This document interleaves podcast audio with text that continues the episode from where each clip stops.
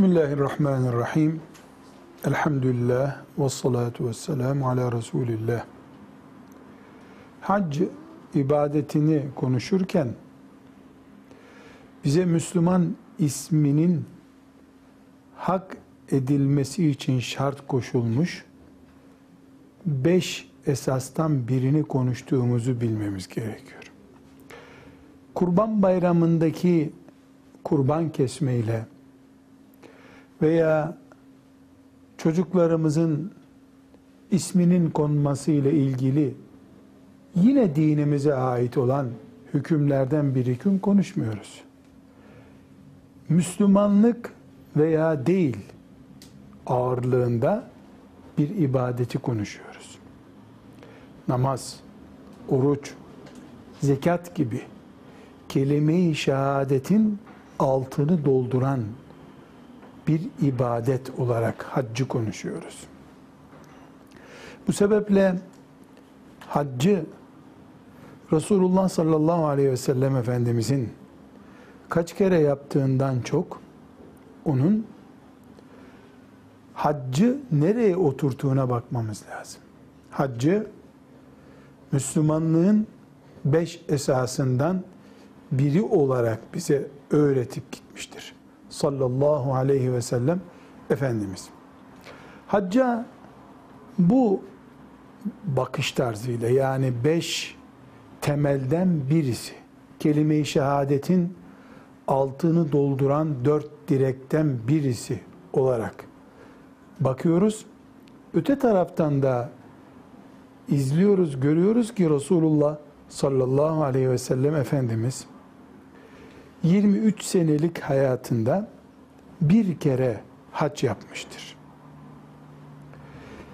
Bu bir kere hac yapmışlığını pek çok coğrafi ve siyasi, tarihi nedenlere dayandırabiliriz.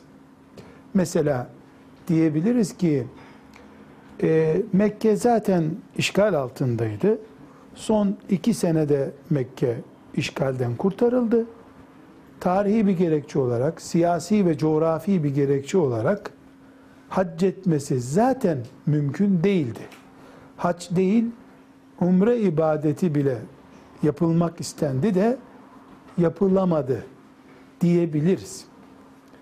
Ama bu makul bir gerekçe değil. Hangisi? Resulullah sallallahu aleyhi ve sellem Efendimiz siyasi, askeri, coğrafi, tarihi nedenlerden dolayı birden fazla hac yapmadı, yapamadı. Gerekçesi doğru değil. Neden? Çünkü Resulullah sallallahu aleyhi ve sellem Efendimiz kendisi 23 senede bir kere hac etme fırsatı bulmuş olabilir. Ama ümmetine şu kadar senede bir yapabilirsiniz, yapmalısınız, yapacaksınız diyebilirdi. Bakıyoruz ki üzerine vurgulaya vurgulaya haccın bir defa olduğu bize bildiriliyor. Yani sahabe geliyor, ya Resulallah her sene hac edelim mi diye soruyor. Bu soru bile Resulullah sallallahu aleyhi ve sellem Efendimiz'i rahatsız ediyor. Neden rahatsız ediyor? Çünkü haccın bir kere her ömürde Allah'ın insana dünyada ihsan ettiği her insana takdir edilmiş bulunan ömürde bir keredir diye zaten kural var.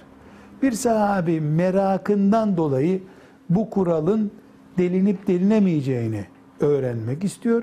Her sene hac edelim mi ya Resulallah diye soruyor. Bu soru rahatsız ediyor. Yani niye zorluyorsun şeklinde cevap alıyor o sahabi. Buradan şu toparlamayı yapabiliriz. Resulullah sallallahu aleyhi ve sellem Efendimiz daha fazlasını yapamadığı için değil, hac bir kere yapılır bir ibadet olduğu için hac etmiştir. O haccı da bir kereye mahsus kalmıştır. Evet, daha sonraki ikinci, üçüncü haclar Müslümana yasak değildir. Haram değildir. Sevabı eksik değildir. Nafile ibadetlerin tamamı için geçerli olan hüküm neyse ikinci, üçüncü, dördüncü hac için de aynı hüküm geçerlidir. Nafile bir ibadet durumundadır. Resulullah sallallahu aleyhi ve sellem bir kere hac etti. Her mümine ömründe bir kere hac etmek farzdır. Artı bütün müminlere de hac etme farziyeti yoktur. Namaz gibi her gün namaz gibi her mümine emredilmiş bir ibadet değildir hac. Tam aksine Müslümanların içinden zengin başlığının altında toplanabilecek müminlere hac ibadeti farzdır. Bu da gösteriyor ki hac ibadeti sıradan değil.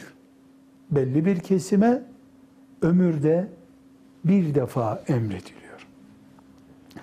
Gerek İslam toplumu açısından baktığımızda ve gerekse Müslüman o toplumun fertlerinden birisi olan bir Müslüman açısından baktığımızda demek ki hac İslam'ın beşte birini oluşturduğu halde kıvamında yapıldığı zaman bir ömrü dolduracak bir ibadettir. Kıvamında yapıldığı zaman bir kasabadan bir kişi gidince hacca bütün müminleri o bağlantıya getirebilecek bir ibadettir. Aksi takdirde işte sakatlar hariç herkes bu ibadeti yapacak denirdi. Bir ülkeden, bir coğrafyadan, on milyonlarca insanın içinden hiç kimse de hacca gidemeyebilir fakr zaruretten dolayı. Veya o günkü şartlardan dolayı Müslümanların Müslümanların yöneticisi bu sene hac edilmesin filan cihadı yapacağız gibi bir gerekçeyle hacca geçici bir durdurma yapabilir.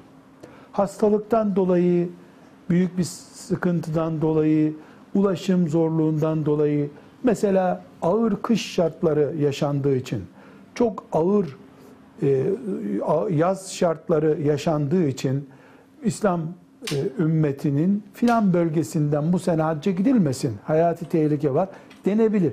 Buna rağmen Müslümanların 24 saat bağlantı içinde oldukları Kabe ile ilişkileri hiçbir şekilde zedelenmiyor.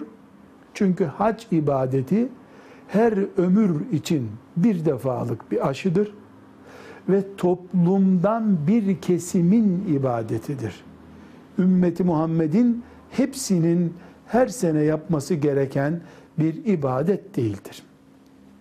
Bunların hepsini toplamaya çalıştığımızda yani İslam'ın Allah ve peygambere iman şartından sonra o iki şartın Allah'a iman, peygambere iman şartının altında direkler gibi duran namaz, oruç, zekat ve hac ibadetinin haccını konuştuğumuzda demek ki Allah'ın ve peygamberinin bizden beklediği hac ibadeti herkesin belli milli kıyafetler içerisinde gidip kart bastığı bir tören fuar yerinde yapılmış bir gösteri değildir.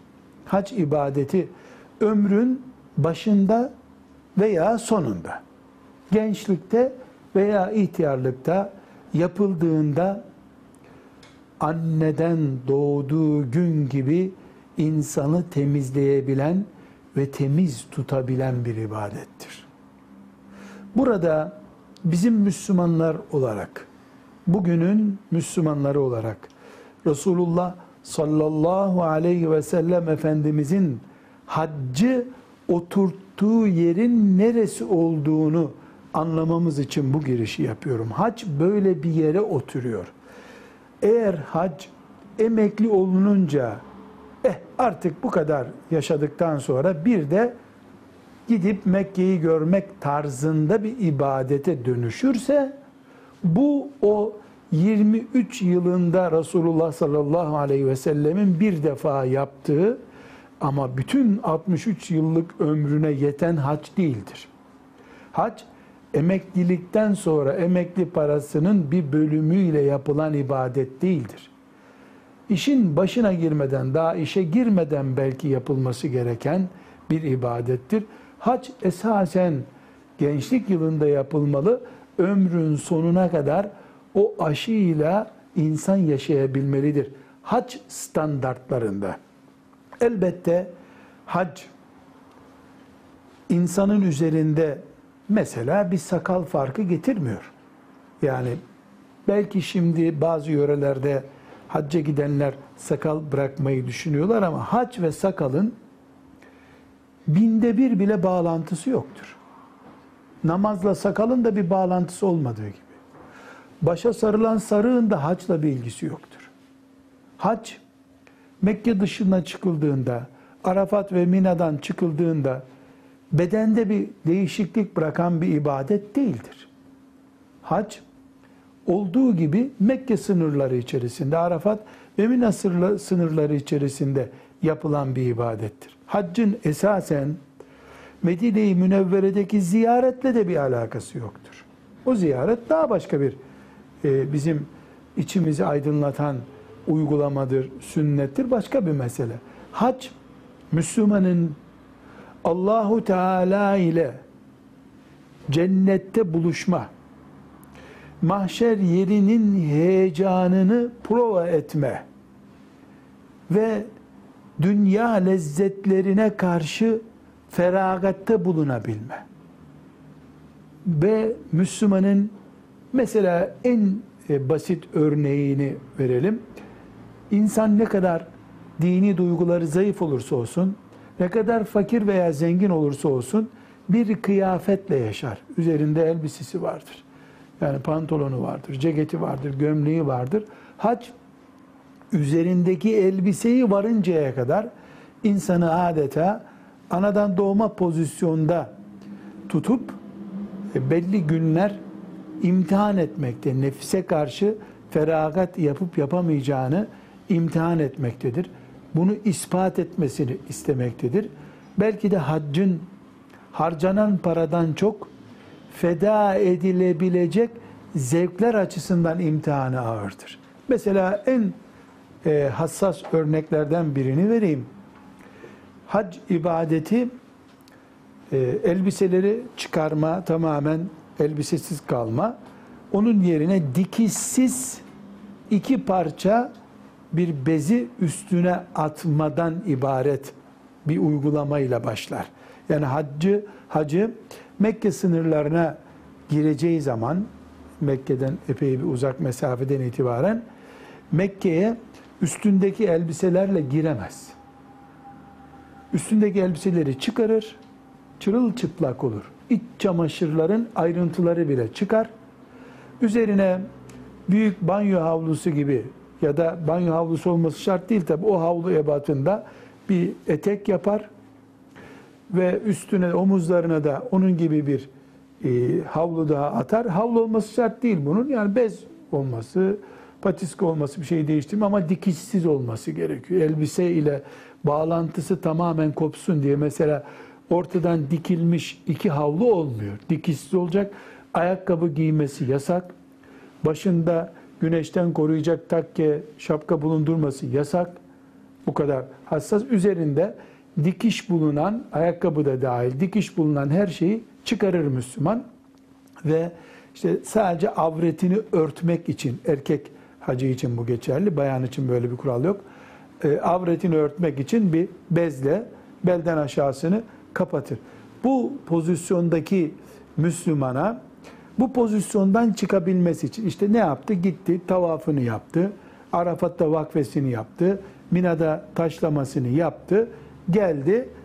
Bu ihram dediğimiz kıyafeti yani elbisenin yerine avretini örtmek için konan kıyafeti çıkaracak.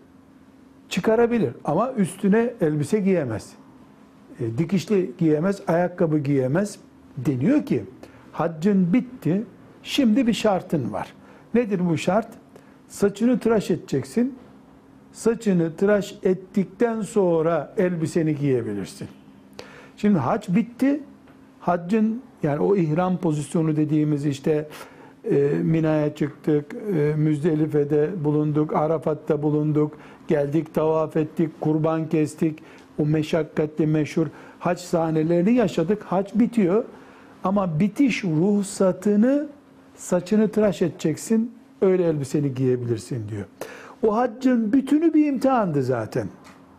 Yani Arafat'ta güneşin altında vakfe yapıyorsun, yürüyorsun, kurban kesiyorsun, o meşakkatli yerde taşlama yapıyorsun. E, bayramın arefesinden önceki gün e, Mina'ya çıkıyorsun. Bütün bunlar heyecanlı ve haccın ağırlığı olan şeyler. Bunlar hep nefis imtihanıydı. Yani bildiğimiz haccın o imtihan denen boyutuydu bunlar. Bunlar bitti. Bunların bitişinde bir imtihan daha var. Nedir o? Saçını keseceksin diyor. Şimdi saçını keseceksin diyor. Peki ya Rabbi. Saçımı keseceğim diyorum. Tutuyor bu saçın içinde bir kalite imtihanı daha yapıyor. Buraya çok dikkat ediyoruz. Müslüman erkeğin saç tıraşı ile ilgili dini bir görev olarak en çok üzerinde durulabilecek ya da saçın dinin bir emri olarak kesileceği tek yer burasıdır. Şimdi bütün bu hac ibadetlerinden bitti, görevin bitti. Evine döneceksin, otele döneceksin ama saçını kes diyor. İmtihanı bir imtihanla bitiriyor. Bu imtihanda nefsin gururuna, heybetine ve zevklerine karşı işte çıplak yaparak, güneşin altında tutarak, ayakkabı giydirmiyor, terlikte dolaştırıyor seni.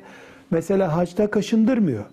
Kaşınıyorsun, kaşınınca tüy düşüyor ya da tarıyorsun, tarayınca üç tane sakal kılın kopuyor, cezalısın diyor. Haçta kaşınmayacaktın diyor. Sabun kullandırtmıyor. Kullanacaksan diyor kokusuz sabun kullanacaksın. Parfüm kullandırtmıyor. Ter içinde kalmanı istiyor. Hacılar ter içerisinde kalırlar. Abdest dışında, zaruri gusül dışında yıkanmazlar. Yani yıkansalar da sabun kullanamazlar. Sabun çünkü bir miktar parfüm itibari. Parfümsüz sabun kullanmaları lazım. Nefsin arzularına, zevklerine karşı bir imtihan. O imtihanı bir ikinci imtihanla bitiriyor. Saç keseceksin diyor. Kabul ya Rabbi. Sen ki bana hac sevabı vereceksin. Saçımı da keseceğim diyor. Burada Peygamber aleyhisselam ikinci bir imtihana tabi tutuyor. Saç bir imtihandı. Kes saçını çık diyor. Saçın üstünden kalite imtihanı yapıyor. Nasıl yapıyor? İki türlü saç kesebilir Müslüman. Birincisi işte mesela 3 e, santimlik saçı var başında. Üçte birini saçının yani bir parmak kadar saçı olduğunu düşünelim. Şu kadar, üçte biri kadarını kes makasla çık ihramdan diyor. Veya sıfıra vur başını çık ihramdan diyor. Şimdi burada iki pozisyonda da ihramdan çıkılıyor. Yani 3 santimlik saçın bir santimini aldın mı çıkabilirsin. İhram tamam serbest elbiseni giyebilirsin diyor. Ama sıfıra da vurma imkanım var. Bir santimini alıp saçın çıktığın zaman çok bir değişiklik olmuyor. Yani nefis çok bundan muzdarip olmuyor. Yani nihayetinde berbere gidip tıraş olduğun gibi oluyor. Ama sıfıra vurdurduğun zaman 10 gün 15 gün bir daha saçın gelince kadar ya da saçı uzun bir insansa mesela o saçı büyüyünceye kadar hacdan dolayı söz konusu olmuş bir imtihanı devam ediyor demektir. Peygamber aleyhisselam efendimize sorulduğunda hangisini uygulayalım dediğinde bakıyoruz ki haccın imtihanını imtihanla bitirirken o imtihanı bir imtihan daha ilave ediyor. Buyuruyor ki Allah saçını sıfıra vuran, vurduranlara rahmet etsin buyuruyor. Sonra tekrar edildiğinde Allah saçını sıfıra vurduranlara rahmet etsin diyor. Bir daha soruluyor Allah saçını sıfıra vurduranlara rahmet etsin diyor. Bir daha sorulduğunda kısa kesenlere de rahmet etsin diyor. Bakıyoruz ki hac meşakkatinin bitimi için saç kesimi şart koşulmuştu. O bir imtihandı. Saçı sıfıra vurdurma imtihanın cilası şeklinde bir kere daha müminin karşısına çıkıyor. Bundan anlıyoruz ki hac ibadeti namaz gibi her gün beş defa Müslümanın kıbleye dönüp seccadenin başına geçip eda ettiği bir ibadet değil. Ama öyle bir şok etkisiyle eda ediliyor ki hac ya da öyle bir şok etkisiyle eda edilmesi gerekiyor ki 40 sene, 50 sene namaz kılan bir insanın ulaştığı ibadet olgunluğu, ruh haletine 3 günlük Arafat, Mina ve Müzdelife eğitimiyle ulaşmış oluyor mümin. Bundan anlıyoruz ki namaz ömür boyu bir ibadet, oruç ömür boyu bir ibadet, hac ömürde bir ibadet ama ağırlık olarak o ibadetlerin yaptığını yapacak kapasitede bir ibadet. Burada A bölümünü bitirelim haccı konuşmanın. Çünkü haccın fıkhına ve ayrıntılarına Resulullah sallallahu aleyhi ve sellem Efendimizin eda ettiği o muhteşem hacca dönecek olursak e, biz inşallah nasip olur bize ama şöyle haccı yerinde pratik yapmamız gerekir diye düşünüyorum. B bölümüne gelelim. Şimdi dedik ki hac imtihan içinde imtihan ömür boyu kılınan namazlar gibi bir ağırlık kazandırıyor ama namazın yerini doldurmuyor tabi. Orucun yerini doldurmuyor. Zekatın yerini doldurmuyor. Ömürde bir defa geliyor. Bir boşluk ona ayrılmış kullukta o boşluk 100 potansiyelli bir boşluk. Namazınki de 100, e, orucunki de 100, zekatınki de 100. Yani 100 santimlik bir e, ayak olarak bunların dördü kelime-i şehadetin altında duruyorlar. Namaz onu 50 senelik uygulamayla dolduruyor. Oruç 50 senelik ömrü 50 sene süren bir insan için dolduruyor. Hac iki buçuk, üç gün bile olmayan bir ibadetle 50 senelik namaz gibi bir yeri dolduruyor. Namazın potansiyeli büyük, orucun ondan biraz daha küçük, zekatınki namazdan küçük, oruçtan büyük, haccınki daha bir başka ayrı bunlara değinmiyoruz. Şimdi bir mümin olarak ben haccı bu perspektiften ele aldığım zaman, böyle bir hac tasavvur ettiğim zaman, hacda, tavafta kaç defa döneceğim, kurbanı Mina'da nasıl keseceğim, veya Medine ziyaretini haçtan önce mi yapayım, haçtan sonra mı yapayımdan önce? Düşünmem gereken altyapı sorunlarından birisi şu olmalıdır. Eğer hac bir peygamberin sallallahu aleyhi ve sellem hayatında bir kere yapılabilecek filan sahabinin bile iki kere yapmadığı ama bir keresiyle Allah'ın emrini yerine getirdiği kadar büyük çaplı bir ibadetse bunun mefhumu muhalifi yani karşı taraftan izlenen sonucu şudur. Şeytan içinde hac bu çaplı bir tuzaktır. Tıpkı mesela bir erkeğin gözüyle bakıldığında bir kadın olmazsa olmaz. Ya anadır ya eştir ya kızdır onsuz olmuyor derken fitnesi de o çaptadır muhakkak dendiği gibi eğer hac bu muhteşem yapısıyla anlaşılacaksa karşı cepheden görüldüğünde de şeytan da onu bu şekilde anlıyordur. Bunun için biz sembolik de olsa hacca gittiğimizde şeytanı taşlıyoruz. Sembolik bir taşlama yapıyoruz.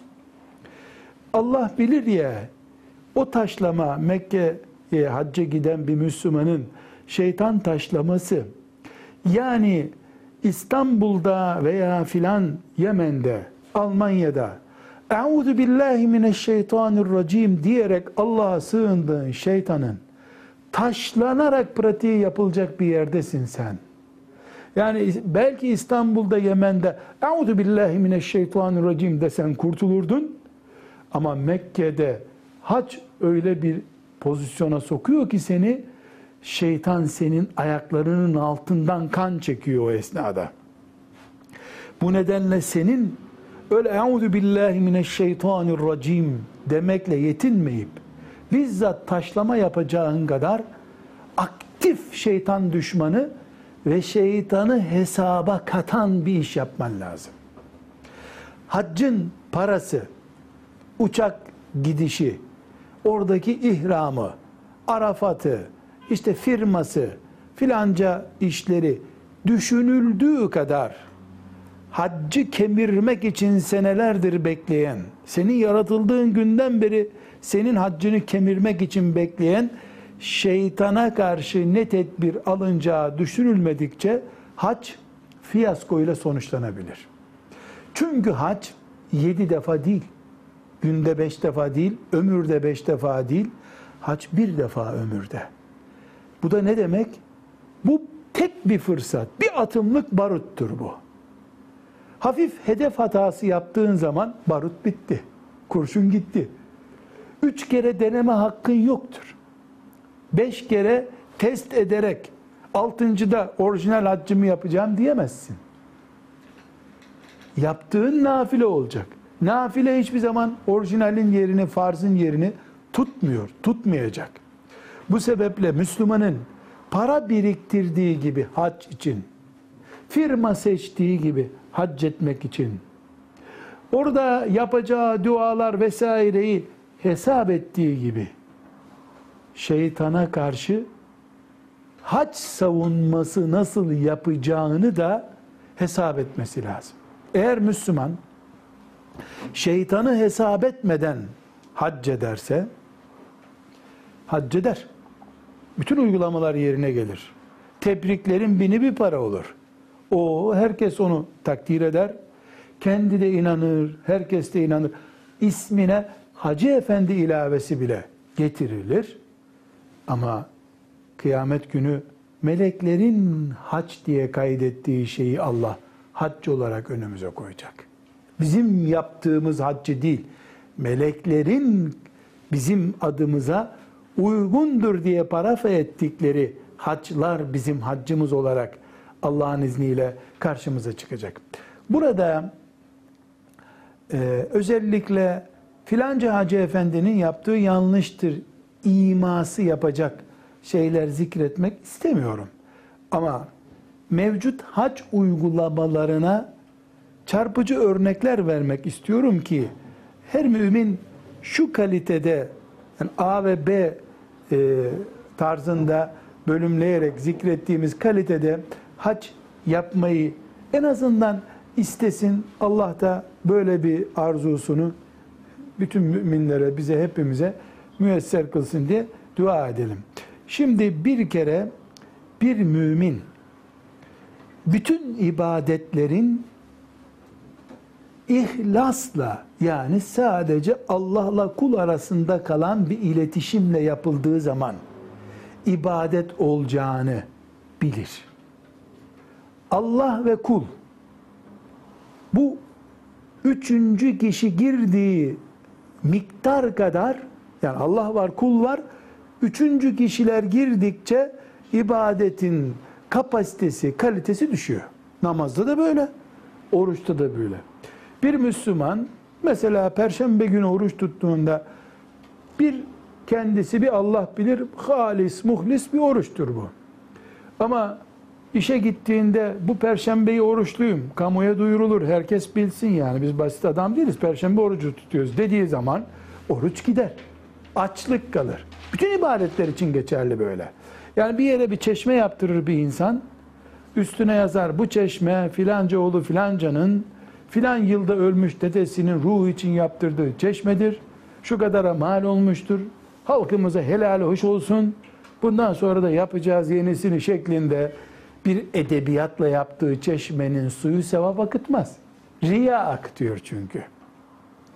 Hac içinde esas olan kul, Allah ve Kabe. Dördüncüsü olmamalı.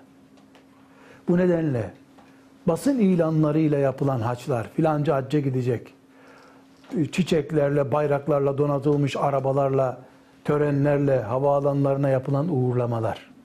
Hatta ve hatta pek çok kimsenin hoşuna gitmeyecektir. Özellikle e, ben altını çizerek ve mesuliyetini de üstüme alarak söylüyorum. E, bir Müslüman hacca gidecek, 20 senedir görüşmediği, ölüp ölmediğini bilmediği birisine bile helalleşmeye gidiyor. Nereye gidiyorsun? Helalleşmeye. Neden? E hacca gidiyoruz. E sen iki aylık mesela uzak doğu gezisine gitmiştin. Ölüme karşı bin kere daha tehlike vardı orada. Uzak doğuda şu afet bu afete gidiyordun mesela. Niye helalleşmedin uzak doğuya giderken? Endonezya'ya giderken Çin'e gittin, Avustralya'ya 18 saatlik uçak yolculuğuna gittin. Helalleşme ihtiyacı hissetmedin. Kangurular yer seni diye korkmadın. 3 saatlik ciddi yolculuğu için helalleşme ihtiyacı hissediyorsun. Bu gerçekten bir helalleşme mi? Yoksa hacca gidiyoruz biline ha demek mi? Bu çelişki haccın ihlası ile ilgili bir sendromdur. Bir sıkıntıdır. Eğer gerçekten senin helallik sıkıntın varsa yani ibadetim ona gitmesin diye haçtan önce namaz için de geçerli bu. Namaz ibadeti de senin filancada bir kul hakkı sorunun varsa kılınan namazlardan ona da verilecek o zaman. Yani her gün kıldığım beş vakit namazın ha, üzerimde hakkı bulunan filancaya verilmesinden korkmuyorsun da e, bir defa hac yapacaksın. O bir defa haccı filanca kapar diyeni düşünme. Hacca gelene kadar o zekatları almıştır zaten. Merak etme o çoktan hakkını almıştır o zaman. Burada gizli bir şekilde reklam etme hastalığı, havaalanına giderken, havaalanından dönürken hediyeler, hediye hazırlıkları, e, bunların hepsi şeytanın biraz önce B bölümünde sözünü ettiğim yatırımlarından kaynaklanıyor. Çok enteresan tespitlerimden birisini söyleyeyim. Özellikle rakamsal olarak da tespit etmişimdir. Hacı kardeşlerimizin hac maliyeti mesela 3 ise bu 3'ün yarıdan fazlası haccın orijinal masrafları değil, hediyeler vesairelere ait masraflardır. Hacca giden akraba sayısı kadar hediye alma ihtiyacı hissediyor. Hac esasen şu A bölümünde sözünü ettiğimiz hac ise mümin o haccı yapar, kimsenin de haberi olmaz. Teheccüde kalktığımızdan kimsenin haberi olmadığı gibi. Hiçbir sakıncası yok. Çok daha cazip bir örnek daha vereyim. Eğer bir mümin haçtan döndüğünde bir anlatı ver bakalım. Nasıldı hac? Arafat kalabalık mıydı? Mina'da sıkıştınız mı? İşte Kabe'nin yeni inşaatı nasıl diye sorulduğunda eh anlatayım deyip 30 günlük mesela hac yolculuğunu satır satır anlatıyorsa bundan dinen hiçbir sakınca yoktur. Günah değil, haram değil. Anlattığı şeyler duygusal şeyler. Şahsen ben bu şekilde hac hatıralarını anlatan yeni hacıları oralardaki hasretimi canlandırıyorlar diye heyecanla dinliyorum. Çok da hoşuma gidiyor. Anlat bakalım nasıl oldu? İşte ben şu kadar senedir göremedim diyorum. Ben, ben soruyorum. Ama gönlüm istiyor ki bir Müslümana haccı anlat ne yaptın sen dediğimizde kilitlenip tek bir kelime konuşamayıp 5-10 dakika sonra kusura bakmayın deyip kalkıp gitmesidir. Hac budur. Çünkü ne dedik biz? Hac ve bütün ibadetler aslında Allah ile kul arasındaki olup bitmiş işlerdir. O heyecanı, o kaliteyi üçüncü bir kul düzeyine indirebilmek başarı değildir. Başarısızlıktır kalitede başarısızlıktır. Kendisini hac atmosferinde kaybetmeli bir mümin. Çok rahat denebilmeli ki ona Kabe'nin kaç minaresi vardı dendiğinde bilemiyorum. Ben ezanlar okunurken kendimi Resulullah sallallahu aleyhi ve sellemin yanında hissetmiştim. Bakamadım betonlara. Bu avizeleri hiç göremedim. Tabi edebiyat için değil. Samimi bir uygulama için. Arafat'ta kim konuşma yaptı? Hangi dua okundu dendiğinde durup kalıp hakikat Arafat ne zamandı diyebilmeli bir mümin. İnsan mahşer yerine çıkar, cenneti cehennemi görür de geri geldiğinde anlatacak bir şey bulabilir mi? Elbette bu biraz önce zikrettiğim şekilde haccın farzlarından biri değil. Ama ihlas bu imkanı sağlar mümine. Dileriz Rabbimiz bu haccı bu şekilde yapmayı hepimize nasip eder. Yapamadığımız, beceremediklerimizdeki hataları da mağfiret buyurur. Velhamdülillahi Rabbil Alemin.